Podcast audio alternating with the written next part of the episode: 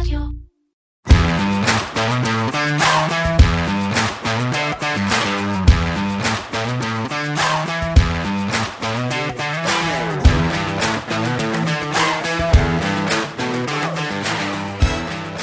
כשהנתונים של משק טובים, המטבע המקומי מתחזק, וכשנתוני המשק לא טובים, המטבע נחלש. אלו שני כללי אצבע שנמצאים בבסיס של כמעט כל תיאוריה מקרו-כלכלית. אז השבוע פורסמו נתונים מקרו-כלכליים בישראל, והאמת היא שהם היו די מקיפים. זה התחיל בכך שדירוג האשראי שלנו נותר ללא שינוי, המשיך בכך שהאינפלציה האטה, והסתיים בנתוני הצמיחה מהם עולה כי קצב הצמיחה של ישראל בר... עמד ברבעון השני על שלושה אחוזים, ומיתון, לפחות כרגע, לא על הפרק. אז למה אם הכל כל כך טוב לפי הנתונים, המשקיעים לא מפסיקים למכור שקלים, לקנות דולרים? מדוע השקל שלנו מוצא את עצמו בשפל של כמעט ארבע שנים מול הדולר? האם המשקיעים מבינים משהו שאנחנו לא? האם יש קשר למה שקורה בשוק המט"ח העולמי? על כך בעיקר נדבר היום בפרק נוסף של פודקאסט מנועי הכסף של כלכליסט עם הכלכלן והאסטרטג הראשי של פסגות, אורי גרינפלד, אהלן אורי. אהלן שי. אני שי סלינס, ואורי, לפני שנתחיל אולי, אה, אתה יודע מה? יש איזו שאלה מעניינת ששאלו אותנו, אולי כדאי להתייחס, משהו שקשור לאוכלוסייה, שאלה טובה לדעתי. אה, תום שואל אותנו בפייסבוק, אה, האם עלייה מתונה באוכלוסייה טובה לכלכלה? הוא כותב, זה אמנם מגדיר את התוצר, אבל מנגד מגדיל את האינפלציה בשיעור דומה. אה, זו, זו בעצם ההנחה שלו. בוא נ... אני יכול לענות לשאלה בשאלה. מה זה טובה לכלכלה? ההגדרה של טובה לכלכלה היא ההגדרה, היא סימן השאלה פה. בדרך כלל כשאומרים טובה לכלכלה מתייחסים לזה שהתוצר גדל. התוצר זה בעצם סך כל הערך של סך כל המוצרים והשירותים שמיוצרים במשק, ואם נוספים למשק אנשים, וכל אחד עדיין מייצר בדיוק את אותו הערך, אז יהיה גידול בתוצר כי נוספו אנשים, גם אם לא כל אחד אה, שיפר את יכולת הייצור שלו. ואז יש לנו בעצם גידול בתוצר, או צמיחה מה שנקרא, אבל הצמיחה לנפש במקרה כזה למשל תישאר אותו דבר. מצד שני, כשהרבה פעמים שאומרים טובה לכלכלה, הכוונה היא בעצם עלייה ברמת החיים. לא איכות החיים כמובן, אלא רמת החיים, ובמצב כזה אין לנו עלייה ברמת החיים. אם נוספו עוד אנשים, וכל אחד, נגיד כל בן אדם מייצר תפוח אחד, נוספו עוד אנשים, אז יש יותר תפוחים, התוצר גדל, אבל התוצר לנפש הוא עדיין תפוח אחד, ואז אין לנו בעצם אה, עלייה ברמת החיים של האזרח הממוצע, אז זה לא בהכרח טוב לכלכלה. אז עוד פעם, שאלה טובה, טוב לכלכלה או טוב למשק זה הגדרה טיפה בעייתית. כשיש גידול באוכלוסייה, זה מאפשר גידול מהיר יותר בתוצר, לאו דווקא בתוצר לנפש, זה תלוי בעצם בגידול בפריון של כל עובד בממוצע אה, במשק, וזה אני חושב הרבה יותר חשוב במובן של טוב לכלכלה, כדי שרמת החיים בסופו של דבר של האזרחים תוכל אה, ללכת ולעלות. אז מה אתה בעצם אומר, ש, שכשמתפרסמים נתוני תוצר, נסתכל על התוצר לנפש? חד, אם אתה רוצה לעשות השוואה למדינות אחרות בעולם, חד משמעית. אם, אם האוכלוסייה בישראל גדלה בקצב של 2% בשנה, ונגיד צמחנו בקצב של 3%, זאת אומרת שהתוצר לנפש גדל רק באחוז. כן. אם תיקח אה, למשל מדינה אחרת, קח את יפן. שם הצמיחה היא מאוד מאוד נמוכה, אבל אוכלוסייה הולכת ומתכווצת, אז התוצר לנפש הוא גם גדל. אז רמת החיים בעצם פה או ביפן, אם נאמר הנתונים היו כאלה שבסוף זה מסתכם לאחוז, עוד פעם נגיד אה, גידול בתוצר של אחוז ו... סליחה, גידול בתוצר של חצי אחוז וקיטון באוכלוסייה של חצי אחוז, אז יש לנו תוצר לנפש שגדל באחוז. במצב כזה, כאילו השיפור בכלכלה הישראלית והשיפור בכלכלה היפנית, אותו שיפור למרות שהם בכלל צומחים רק בחצי אחוז. כן. אה, ואני חושב שזה אינדיקטור הרבה יותר משמעותי מאשר רמת התוצר, התוצר עצמה או, או הצמיחה. אה, אתה יודע, סין, אה, בזמנו, שמדברים תמיד על סין כהכלכלה השנייה הגדולה בעולם, או הכלכלה הגדולה בעולם, תלוי על איפה אתה מסתכל, באיזה מדד. זה אחלה, אבל פשוט יש שם המון המון אנשים. כן. אז כל אדם בסין מייצר הרבה פחות מאשר מייצר כל אדם בארצות הברית או אפילו בישראל. ולכן אי אפשר להגיד שבגלל אה, שיש אה, אוכלוסייה גדולה בסין, אז הכלכלה שם במצב יותר טוב. רגע, אז... אבל אתה, יודע מה? אה, הבנתי מה שאתה אומר. בוא אני אשאל אותך שאלה אחרת. האם יכול להיות מצב טוב לכלכלה מסוימת כאשר לאורך שנים יש התכווצות באוכלוסייה? אז אני חושב שהתשובה היא גם, כן. גם קשור לתוצר? אני, עוד פעם, אם אתה מסתכל על, uh, על מצב הכלכלה, עוד פעם, במונחים של תוצר לנפש, שזה בסופו של דבר האומדן הכי טוב לרמת החיים, אז התשובה היא כן. האוכלוסייה יכולה להתכווץ, וכל אזרח שנשאר, מצליח משנה לשנה לייצר ערך יותר גדול, אז בסופו של דבר רמת החיים ממשיכה לעלות. העניין הוא שזה כמו הרבה דברים בכלכלה, למונח הזה של תוצר, יש גם חסרונות, כי בסוף רמת החיים גם תלויה בעוד הרבה דברים. אה, ואם האוכלוסייה שלך מתכווצת, אז זה תלוי גם מאיזה גילאים ומה המצב הדמוגרפי, אם זה בגלל הגירה, אם זה הגירה, אז איזה שכבות באוכלוסייה מהגרות, אפרופו כן. אה, השיחות על ישראל בחודשים האחרונים. בסוף יכול להיות מצב שהתוצר לנפש אולי גדל, אבל הפוטנציאל צמיחה קדימה יקטן, את הדברים לא כמובן שחור ולבן, כלכלה זה לא דבר שהוא אה, כן. מדע מדויק, אה, אבל אם מנסים בכל זאת להסתכל על רמת הכלכלה או המצב הכלכלי באינדיקטור אחד, אין מה לעשות, עם כל החסרונות שלו, האינדיקטור הכי טוב שיש, זה בסוף התוצר לנפש. אוקיי, אז בואו אה, נעבור ל... אגב, אתם יכולים להמשיך לשאול אותנו כל הזמן שאלות בקבוצת פייסבוק שלנו, מנועי הכסף מדברים כלכלה. קוראים הכל, לא תמיד מצליחים מבחינת זמן להגיב, אבל אה, אה, משתדלים.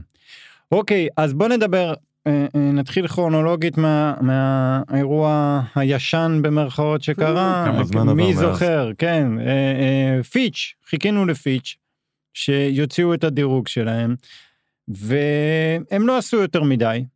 הם לא הזיזו לא את התחזית אה, אה, דירוג שלנו וגם לא את הדירוג עצמו.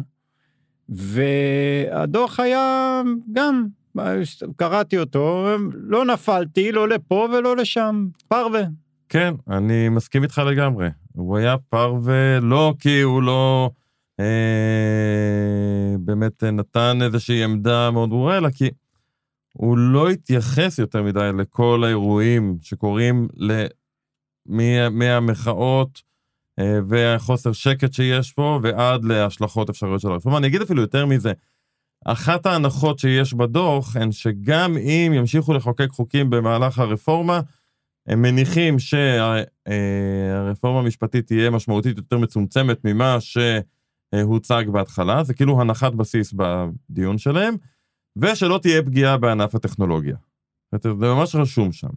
אוקיי. Okay. עכשיו, אתה יודע, אז אתה לא יכול להתווכח, אם לא תהיה פגיעה בענף הטכנולוגיה, אז באמת השלכות הרפורמה הן לא משמעותיות על יכולת ההחזר חוב של המדינה. עוד פעם, נזכיר, פיץ' מדרגים את יכולת החזר החוב של המדינה.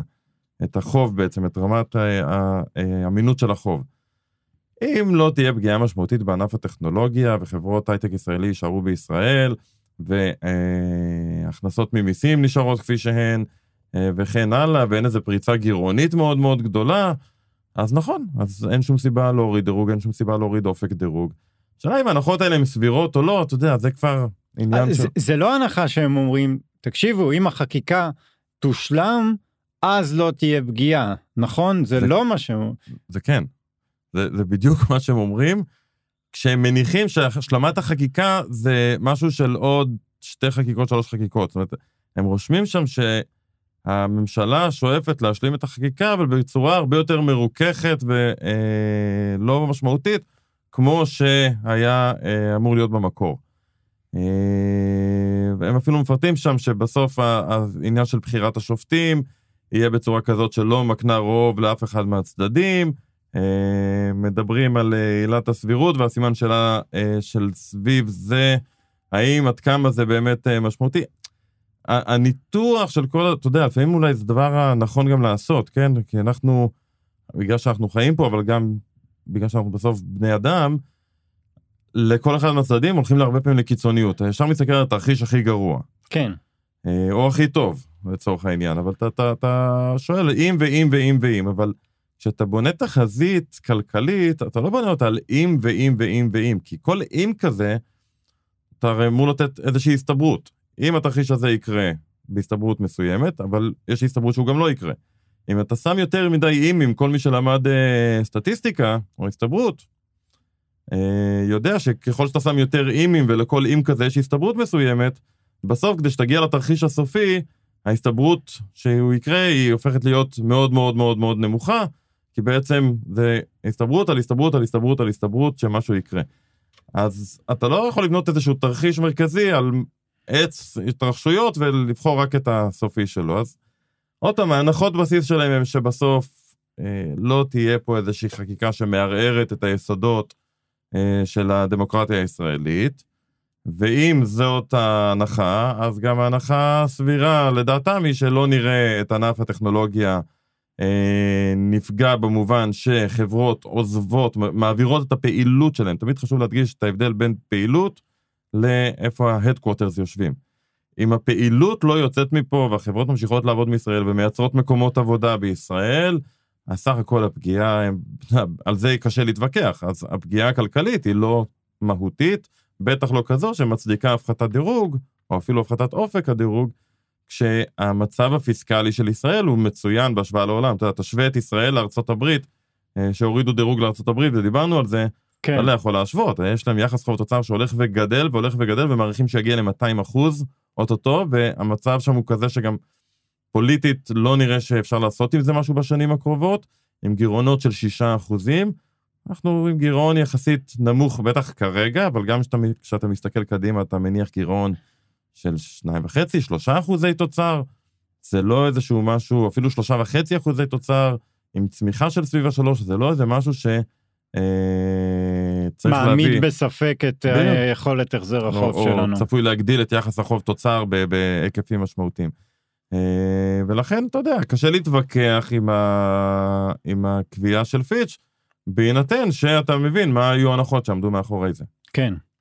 אוקיי, אז באמת גם לא הייתה תגובה יוצ- יוצאת דופן בשווקים, לפחות בשלב הזה, אבל יום או יומיים למ- למחרת יצאו נתוני האינפלציה, שזה היה החלק השני, וראינו האטה, אבל האמת היא שגם את ההאטה הזו באינפלציה, זה גם אתה דיברת על זה לא מעט בפרקים האחרונים זה בעיקר משהו אה, טכני משום שהורדנו חודש אה, חד משמעותי מאוד. בדיוק, מדד אה, יולי 2022 היה מאוד גבוה, אם אני לא טועה, אחוז נקודה שתיים. אה, ונכנס מדד יולי 23 שהיה 0.3, שגם זה היה מעט נמוך מהצפי, הצפי היה לעלייה של 0.4, אבל ברגע שנכנס 0.3 ויוצא מהחישוב אחוז נקודה שתיים, האינפלציה השנתית אה, בעצם יורדת אה, מדרגה, וירדנו לאינפלציה של אה, של 3.3, כן. לעומת 4.2 בחודש הקודם. תנוח דעתך, כשייכנס מדד אוגוסט, אנחנו נחזור לכיוון ה-4 אחוזים, בהינתן שלא יהיו שם איזה הפתעות גדולות, אנחנו נגיע כנראה ל-3.9, אולי אפילו ל-4 אחוז חזרה. אז באמת היה פה עניין טכני, אבל אם נשים בצד את העניין הטכני הזה, אני חושב שנתוני האינפלציה היו באמת טובים, במובן שהם מציירים תמונה מאוד ברורה של האטה באינפלציה, גם אם חודש הבא זה יעלה חזרה לכיוון ה-4, לאחר מכן נמשיך לראות כל החודש שעובר האטה והאטה אה, שנמשכת לתוך 2024 אה, באינפלציה הכללית ובאינפלציית הליבה, וזה מגיע מלא מעט סעיפים. אה, אז סך הכל התמונה היא באמת תמונה שנראית אה, טוב. אה, אולי ניתן כמה דגשים. א', כל מה שקשור למוצרים ובעיקר מוצרים בני קיימא, רכבים, ריהוט, כל הדברים שהושפעו ממחירי השינוע, אנחנו רואים שם ירידות מחירים. אוקיי. אז ירידות מחירים זה לא רק שזה אינפלציה נמוכה, זה אינפלציה שלילית בכלל בסעיפים האלה, שכמובן מושכת את כל האינפלציה כלפי מטה. אם אתה מסתכל, ובנק ישראל עושה את זה, וזה נתון, אני חושב שהוא משמעותי, אה, אם אתה מסתכל על האינפלציה בחודשים האחרונים, בשלושת החודשים האחרונים, כשאתה מנקה את העונתיות, כי יש לה, לה- לאינפלציה יש עונתיות מסוימת, יש חודשים שהיא יותר גבוהה, חודשים שיותר נמוכה.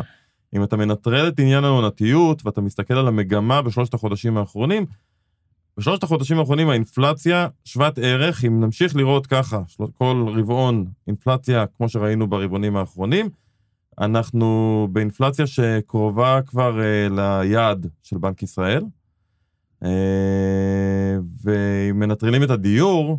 מה זאת אומרת, שלושה אחוזים? פחות משלושה לא, אחוזים? שני אחוזים. שני אחוזים. כן, שתיים אחד, אם אני לא טועה, הנתון של הלמ"ס, uh, שזה יפה מאוד כמובן. Uh, זאת אומרת שכ... משהו שאפשר לחיות איתו. כן, זו, זו המטרה. בסוף, נזכיר את זה שוב, בנק ישראל, המטרה שלו היא לא שהמחירים ירדו. אה, אנחנו היינו שמחים שהמחירים ירדו. כן. אנחנו מתעסקים הרבה פעמים ביוקר המחיה, אה, בנק ישראל לא מתעסק ביוקר המחיה, בנק ישראל מתעסק באינפלציה. מבחינתו שהמחירים ימשיכו לעלות, רק שיעלו בקצב של 2% לשנה, וזה כרגע הקצב. אם אתה מנטרל את סעיף הדיור, שכמובן לא חוכמה לנטרל אותו, כן, אבל אם אתה שם אותו רגע בצד, תכף אני אסביר למה, אתה כן רואה שהאינפלציה אפילו מתחת ליעד. אה, סביב האחוז וחצי, אם אני לא טועה, אולי אפילו טיפה פחות מזה, אז המגמה הכללית באינפלציה בישראל היא דווקא יחסית נראית יותר טוב. אני אפילו הופתעתי לחיוב, אני חשבתי שייקח יותר זמן למגמה הזאת לתפוס תאוצה, וזה גם לרוחב המדד. הבעיה היא עדיין בעיקר בסעיף הדיור, שעלה ב-0.7 אחוזים. אה, שוב, ו... דירות, שכירות. כן, הסעיף הזה, שהוא רבע מהמדד, הוא נמדד רק על ידי חוזי שכירות. וכשאתה מסתכל שם, אתה רואה שאין שום, לא רק שאין ירידה, אין האטה בקצב העלייה. אה, הלמ"ס גם מפריד את זה לדירות שבהן החליפו סוחר, ודירות שאותו סוחר חידש חוזה. אז בדירות שהחליפו סוחר, העלייה בשכר הדירה הייתה 9 אחוזים, שזה כמו שראינו בכל החודשים האחרונים, וזה עדיין מאוד גבוה, יותר גבוה ממה שראינו ב-2022 ובתחילת 23. בדירות שבהן הסוחר נשאר ורק חידשו לו חוזה, קצב העלייה הוא 3.8, שזה גם עדיין מאוד מאוד גבוה. הסעיף הזה, אם אנחנו לא נראה בו האטה, עוד פעם, לא ירידה, רק האטה בקצב העליות, יהיה מאוד קשה לאינפלציה לחזור ליעד, אה, כי זה רבע מהמדד. השאלה היא, ופה, אתה יודע, זה עניין כבר של תחזית והערכות, וכמו כל תחזית, לפעמים היא עובדת ולפעמים היא פחות עובדת, לאור מה שאנחנו קוראים במחיר, לאור מה שאנחנו רואים במחירי הדירות, וראינו עוד חודש שבו מחירי הדירות יורדים, ולאור מה שאנחנו יודעים שצפוי לצאת לשוק ברמת גמר הבנייה, יש היום בצנרת המון יחידות דיור שצפויות לצאת לשוק ברבעונים הקרובים, וגמר בנייה מאוד משפיע על מחירי השכירות, כי זה פתאום דירות שכבר יש אותן. אה, אני חושב שסביר להניח שנראה את סעיף הדיור מאט בחודשים הקרובים, אה, בטח ברבעונים הקרובים, עוד פעם, לא יורד, אבל קצב הגידול בו כנראה ילך ויעט לכיוון של 4% בשנה, שזה בעצם תרומה של אחוז לאינפלציה, אה, כי זה רבע מהמדד, כמו שאמרתי, וזה כבר קצב שמאפשר לאינפלציה לרדת לכיוון היעד, עוד לפני אמצע 24. כן. אה, ואלה בסוף חדשות טובות, אם האינפלציה תהיה פחות משלושה אחוזים כבר ברבעון השני של 24, אז בנק ישראל יתחיל לדבר יותר ברצינות על הפחתת ריבית אולי ביוני, אולי באוגוסט, לא יודע, אבל יתחיל לדבר אה, על הפחתת ריבית, אה, כי כנראה אפשר יהיה להגיד מישן אקומפלישט.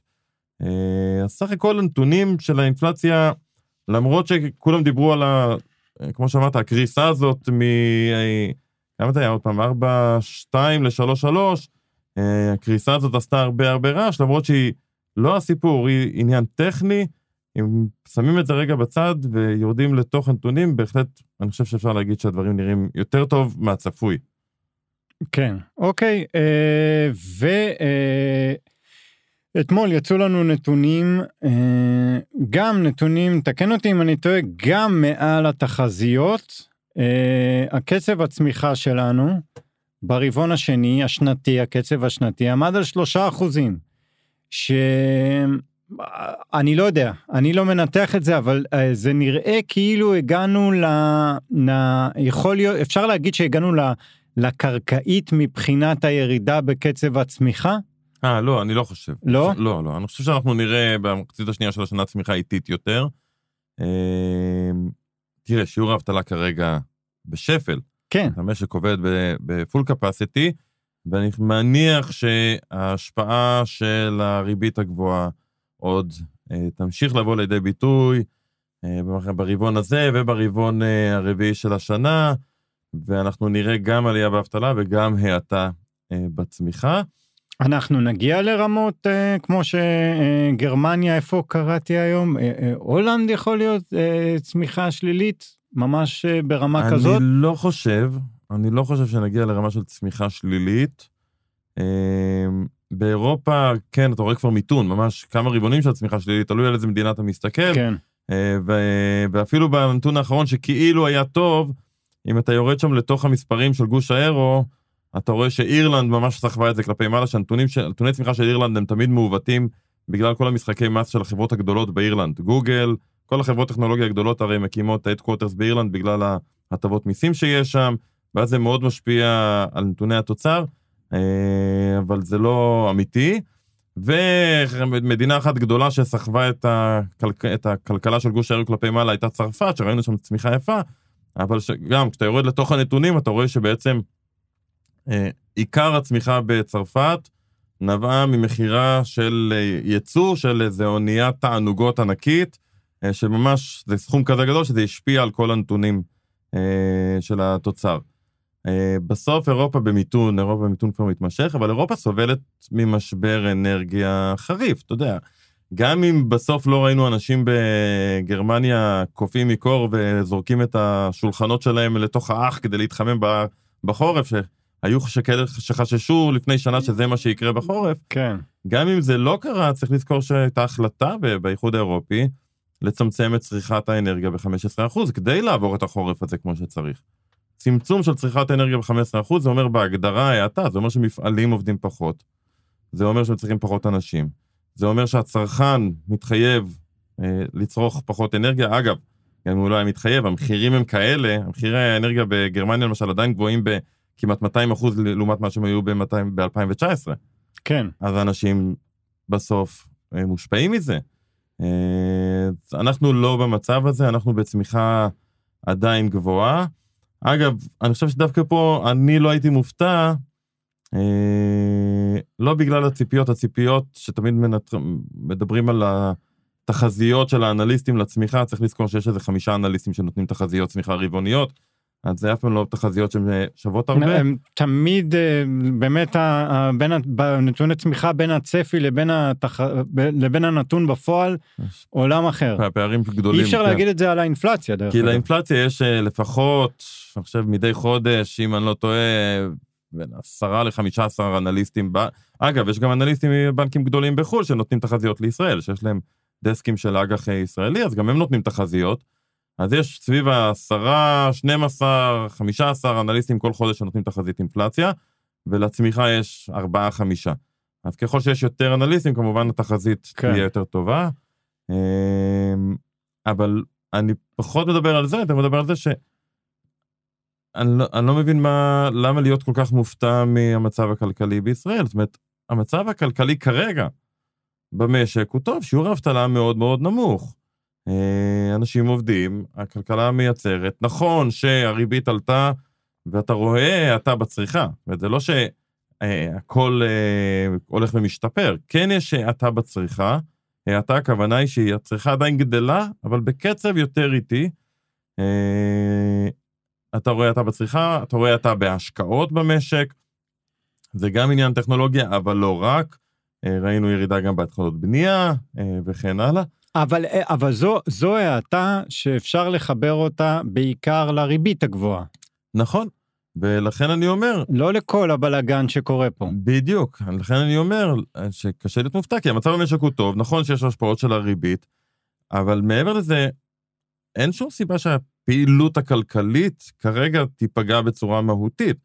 זאת אומרת, כל נושא הרפורמה ומחאות וחששות שיש, אלה לא דברים דיברנו על זה, יש את ההשפעות טווח קצר והשפעות טווח ארוך. בטווח הארוך אפשר לעשות, אתה יודע, ויכוח שלם, יש כאלה שיגידו שכן ויש כאלה שיגידו שלא. אם יהיה פה חשש לפגיעה במערכת המשפט ובדמוקרטיה, יכול להיות שזה יביא חברות טכנולוגיה באמת להעביר את הפעילות שלהם, ופה אני חושב, אם זה יקרה, אין ספק שיש פגיעה כלכלית בישראל. זה מנוע הצמיחה של ישראל. אם זה יקרה, פגיעה היא מהותית.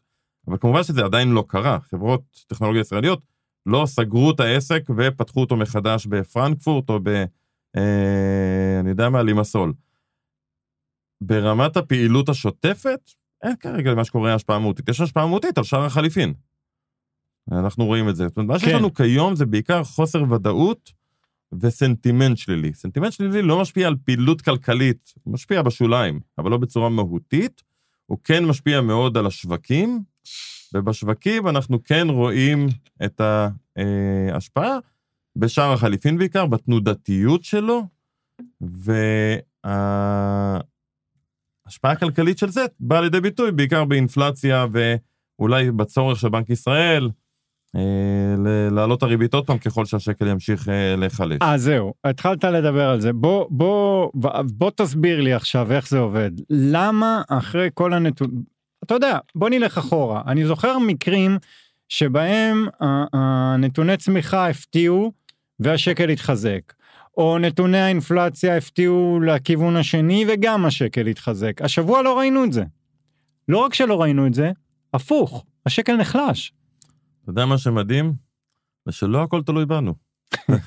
זה אמנם מפתיע מאוד. אנחנו לא מרכז העולם? אנחנו לא מרכז העולם, למרות שבכל משחק בליגת האלופות תמיד רואים רק את דגל ישראל. תמיד. אנחנו לא מרכז העולם, ומה שאנחנו רואים בחודש האחרון בשער הדולר זה בעיקר, אגיד אך ורק, כי עוד פעם, קשה מאוד להעריך בדיוק, אבל זה בעיקר התחזקות של הדולר בכל העולם. הדולר מול סל המטבעות שלו, מה שנקרא מדד הדיקסי, ה-DXY, זה בעצם אה, הדולר מול המטבעות העיקריים בעולם. הדולר התחזק ב-3.6% מתחילת החודש. אוקיי, סליחה, זה המון. בחודש האחרון, לא מתחילת החודש, במהלך החודש האחרון. זה המון, כן. אז כשהדולר מתחזק בעולם, לא משנה אם זה מול האירו או מול הפרנק השוויצרי, הוא יתחזק גם מול השקל, בלי קשר למה שקורה פה. להשפעות של מה שקורה פה, יש עוד איזושהי, אה, עוד איזשהו חלק, אה, שמאוד קשה כמובן להעריך כמה זה מפה וכמה זה מבחוץ, כמו שבנק ישראל, אם אתה זוכר בזמנו, עשה עבודה כזו, אה, בתקופה, כשהוא ניסה להסביר מה, מה הוביל הטירוף הזה של השקל שהלך ונחלש. אבל, ופה האבל הגדול, הנקודה היא שבסוף, אם אני לוקח את כל זה ומנסה לגזור מתוך זה מה זה אומר על החלטת הריבית הבאה של בנק ישראל, זה כבר לא משנה. מאיפה נובעת ההתחזקות של הדולר, זה לא משנה מבחינת בנק ישראל, כי כל עוד הדולר מתחזק, זה מייצר לחצים אינפלציוניים. וגם הוא אמר את זה, בנק ישראל, בצורה ברורה. בצורה מאוד ברורה. אז מצד אחד, יש לנו נתוני אינפלציה שנראית יותר ויותר ויותר טוב, וזה כביכול אומר לבנק, אם, זה, אם היה רק את זה, בנק ישראל היה כבר אפילו, אני חושב, סוג של מודיע, או לפחות רומז בצורה מאוד ברורה, חבר'ה די, סיימנו עם העלאות הריבית. האינפלציה הולכת ויורדת, עניין של כמה חודשים, והיא חוזרת ליעד, עשינו את זה. אבל זה לא, אבל זה לא מספיק. והאמירה של בנק ישראל בהחלטה האחרונה שלו בנציבת עיתונאים הייתה מאוד מאוד ברורה. הגענו לרמת ריבית מספיקה, מה שיכול להפתיע פה זה השער חליפין. אם אנחנו נראה את השקל נחלש, וזה לא משנה אם הוא נחלש בגלל מה שקורה פה, או בגלל השפעות גלובליות, אם השקל ייחלש, זה בעצם יכריח את בנק ישראל, וההחלטה הבאה היא ברביעי בספטמבר, כן. נכון? אם נראה את השקל נמצא, קשה לד... להגיד מה הרמה שתגרום לו לעלות ריבית. אבל ברמות האלו ההסתברות להעלאת ריבית בהחלט גדלה, ונכון שיש עוד שבועיים עד שנגיע לשם, ובינתיים בשבועיים האלה הכל יכול לקרות, אבל ככל שהשקל ממשיך להיחלש, ככה גם ההסתברות שבנק ישראל ייאלץ, אפשר להגיד אפילו, להעלות ריבית בעוד רבע אחוז, הולכת וגדלה. אתה יודע, השבוע מישהו אמר לי, דיברנו, הוא דיבר על הדולר וזה, הוא אמר לי, תקשיב, יש תחושה מהצד, הוא לא... מהצד הוא אומר שאם הדולר אה, מגיע לרמות השלוש שתיים, שלוש שלוש, יש צעקה וזה פותח מהדורות ויצואנים וכולם מדברים ותקנו דולרים אומרים לבנק ישראל. מצד שני הוא אומר ולדעתי די בצדק אין כזה רעש כשהדולר מגיע לשלוש שמונה אתה יודע אתה שומע אבל אתה לא באמת מרגיש את בנק ישראל לחוץ. יכול להיות שפשוט הרמה הזו של השלוש, שבע, חמש, שבע, שלוש, שמונה, יותר נוחה לבנק ישראל? אמ, תראה, קודם כל אם אתה מסתכל על מה שבנק ישראל עצמו אומר, אז התשובה היא כנראה שלא. כי הוא מדבר, בנק ישראל מדבר על זה ש... אה, א', השקל מפוחת מדי ביחס למצב הכלכלי שלו, לערך הכלכלי שלו, בגלל האירועים המקומיים. והוא נתן על זה נאום שלם והוציא על זה עבודה שלמה עם הערכות כמותיות מדויקות. אה, מעבר לזה, בתקופה הנוכחית, זאת אומרת, אם זה היה קורה לפני ארבע שנים, התשובה הייתה כנראה כן. כי האינפלציה הייתה נמוכה, אז יאללה שהשקל קצת ייחלש, זה אפילו אולי יעזור לנו, קצת יחזיר את האינפלציה כלפי מעלה לכיוון היעד. אבל במצב הנוכחי שהאינפלציה עדיין גבוהה מהיעד, ובנק ישראל עומד ככה, אתה יודע, כמו משה אה, לפני הכניסה לארץ, אומר, הנה, אנחנו אוטוטו בארץ המובטחת, ואנחנו עשינו עבודה קשה, צעקו עלינו, התעצבנו עלינו, הקשינו על אנשים, אבל זה עובד, ובאמת, חצי שנה מהיום, שלושה רבעונים מהיום, האינפלציה כנראה חוזרת למרכז היעד, לשני אחוזים שלה, עשינו את זה. אם השקל ייחלש, ובעצם, אני אומר את זה במרכאות, יהרוס לבנק ישראל את כל העבודה, זה, זה לא משהו שהוא ישמח לראות. אה, ולכן אני חושב שבעיניים של בנק ישראל זה לא תמונה נוחה. אה, מבחינת רעשים, אתה יודע, יש תמיד השאלה היא מאיפה הרעש נוצר. כן. כשהשקל כל הזמן מתחזק, אז הרעש נוצר מכיוון התעשיינים וחברות הטכנולוגיה, כן. אה, כי הן כמובן מרוויחות פחות. כשהשקל נחלש זה טוב ליצואנים, הם מרוויחים יותר. זה פחות לא טוב לנו כצרכנים. וכיבואנים קטנים. כיבואנים קטנים. את הרעש בתקשורת, אתה יודע, תקשורת שזה פיחות חד במהלך איזה יום, אז כן, כל המהדורות החדשות מתחילות בפיחות שהיה בשקל, אה, אבל זה גם בבואה לכל מה שקורה בכלל בסביבה התקשורתית, אז כן. זה נותן עוד איזשהו אפקט אה, אה, תקשורתי גדול.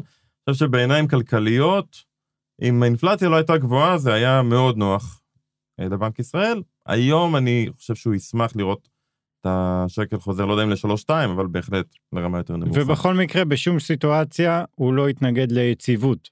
זה, בעיקר, זה בעיקר מה שהוא ישמח לראות, בטח.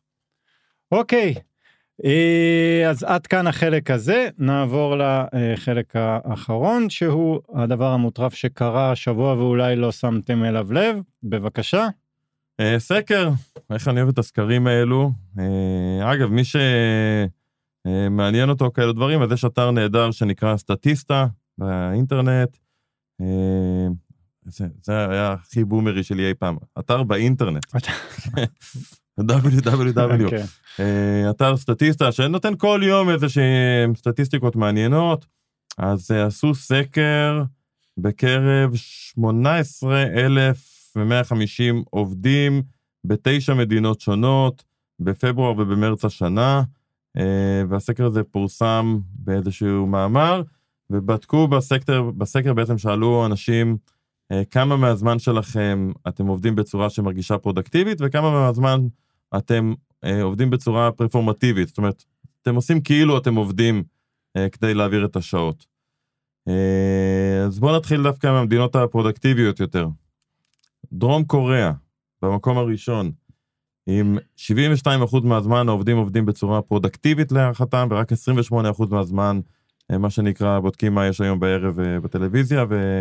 אה, ובבוקינג מחפשים איזה נופש קרוב.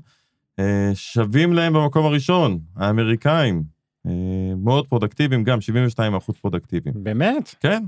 אחרי יש לנו את גרמניה, אחרי יש לנו את בריטניה, אחרי יש לנו את צרפת, וחבל שאין פה אגב יותר מדינות בעבודה הזו. אחרי זה יש לנו את סינגפור, שבה כבר רואים ירידה יותר משמעותית, רק 64% מהזמן העובדים מרגישים שהם פרודקטיביים. היפנים לא איפשהו שם למעלה? מיד לאחר מכן היפנים שמדווחים על 63% מהזמן שהם פרודקטיביים, ו-37% מהזמן שהם עובדים רק, ד... לא עובדים, אלא עושים כאילו הם עובדים. ובמקום האחרון מתוך הרשימה שיש, לא יודע אם תופתע, אני לא חושב שתופתע, הודו. 57 אחוז מהזמן, או נגיד זה הפוך, 43 אחוז מהזמן הם חושבים שהם עושים כאילו הם עובדים. אה, כן, אני גם לא, לא מאוד הופתעתי, בוא לא, נגיד לא, ככה. לא. אה, סקר לא. נחמד מאוד, חבל שהוא לא נעשה על יותר מדינות, מעניין אותי איך זה בישראל. איך אנשים יגיבו, למרות שאם נשים את זה בענף ההייטק, אז כולם יגידו שהם 100% בעבודה כל הזמן, כן. כן. 110, גם בבית הם עובדים כל ברור, זה כן. סקר בעצם על מי אומר אמת. בדיוק. איזה מדינה אומרת בדיוק. אמת. Um, אני נתקלתי בכתבה ב- של הניו יורק טיימס uh, בעקבות uh, ממש סערה של אזרחים באי יו- יווני שנקרא פארוס. ועל מה הם זועמים? הם זועמים על זה uh, שהחופים, הברים והמסעדות בחופים השתלטו על החופים עצמם בכיסאות uh, מיטות שיזוף. וזו האמת, זו בעיה לדעתי אה, כלל עולמית, לא רק ספציפית שם. אה, המחירים אגב בפארוס מגיעים ל-70 יורו למיטה זוגית. או-אה, כן, כן. דרך אגב, במיאמי המחירים שם הם 120-130 דולר למיטה זוגית, אין אה. לך שום זה אפשרות, אחרי מסי או לפני מסי? זה לפני מסי. אוקיי. ותשמע, מצד אחד, אה, על מה המחאה? יש איזשהו חוק ביוון שאתה יכול להשתמש רק ב-50% לביזנס שלך ו-50% אתה חייב להשאיר ריק. והם כמובן השתלטו על החלק הזה ויש שם מחאה ומזמינים פקחים והכל. וזו אכן בעיה לדעתי שבכל חוף אה, חצי מסודר שיש. דרך אגב, בקטע הזה, אה, חייבים כל פעם לציין לטובה את מה שעירייה אחת במזרח התיכון, אה, תל אביב, עשתה. פשוט אה, אה, סבסדה את כל המחירים, אני חושב שזה רק בתל אביב בישראל, אם אני לא טועה. אה, אני- אני מכיר, סבסוד כן. ממש אה, מחירים זולים ולא קרוב ל-70 יורו. בכל מקרה, אם אתה נוסע לעיר, לאי הזה, אז תדע, יש שם אה, אה, סערה ממש גדולה של אה, מחאות וסביב העניין. מעניין מאוד. אה, לפני שאנחנו מסיימים, אני רק רוצה להגיד אה, תודה לשני, אתה זוכר, בשבוע שעבר דיברנו על גם איזשהו סקר, והייתה עיר במקום ראשון, אובוד, ממש שזה כנראה בנפאל, כן, אז תיקנו אותי שני מאזינים, שזה לא בנפאל, אה, זה במלזיה, אני חושב, אני חושב שאני עושה אותו טעות. אני חושב שזה במלזיה, ושאומרים שעיר מדהימה, מרכז יוגה עולמי, אה, אז אפילו שלחו לי תמונות, באמת נראה מקום מהמם, אז אה, תודה על התיקון. תמיד או. לומדים משהו. אוקיי, כן, לגמרי. תודה רבה שהאזנתם, נשתמע בשבוע הבא.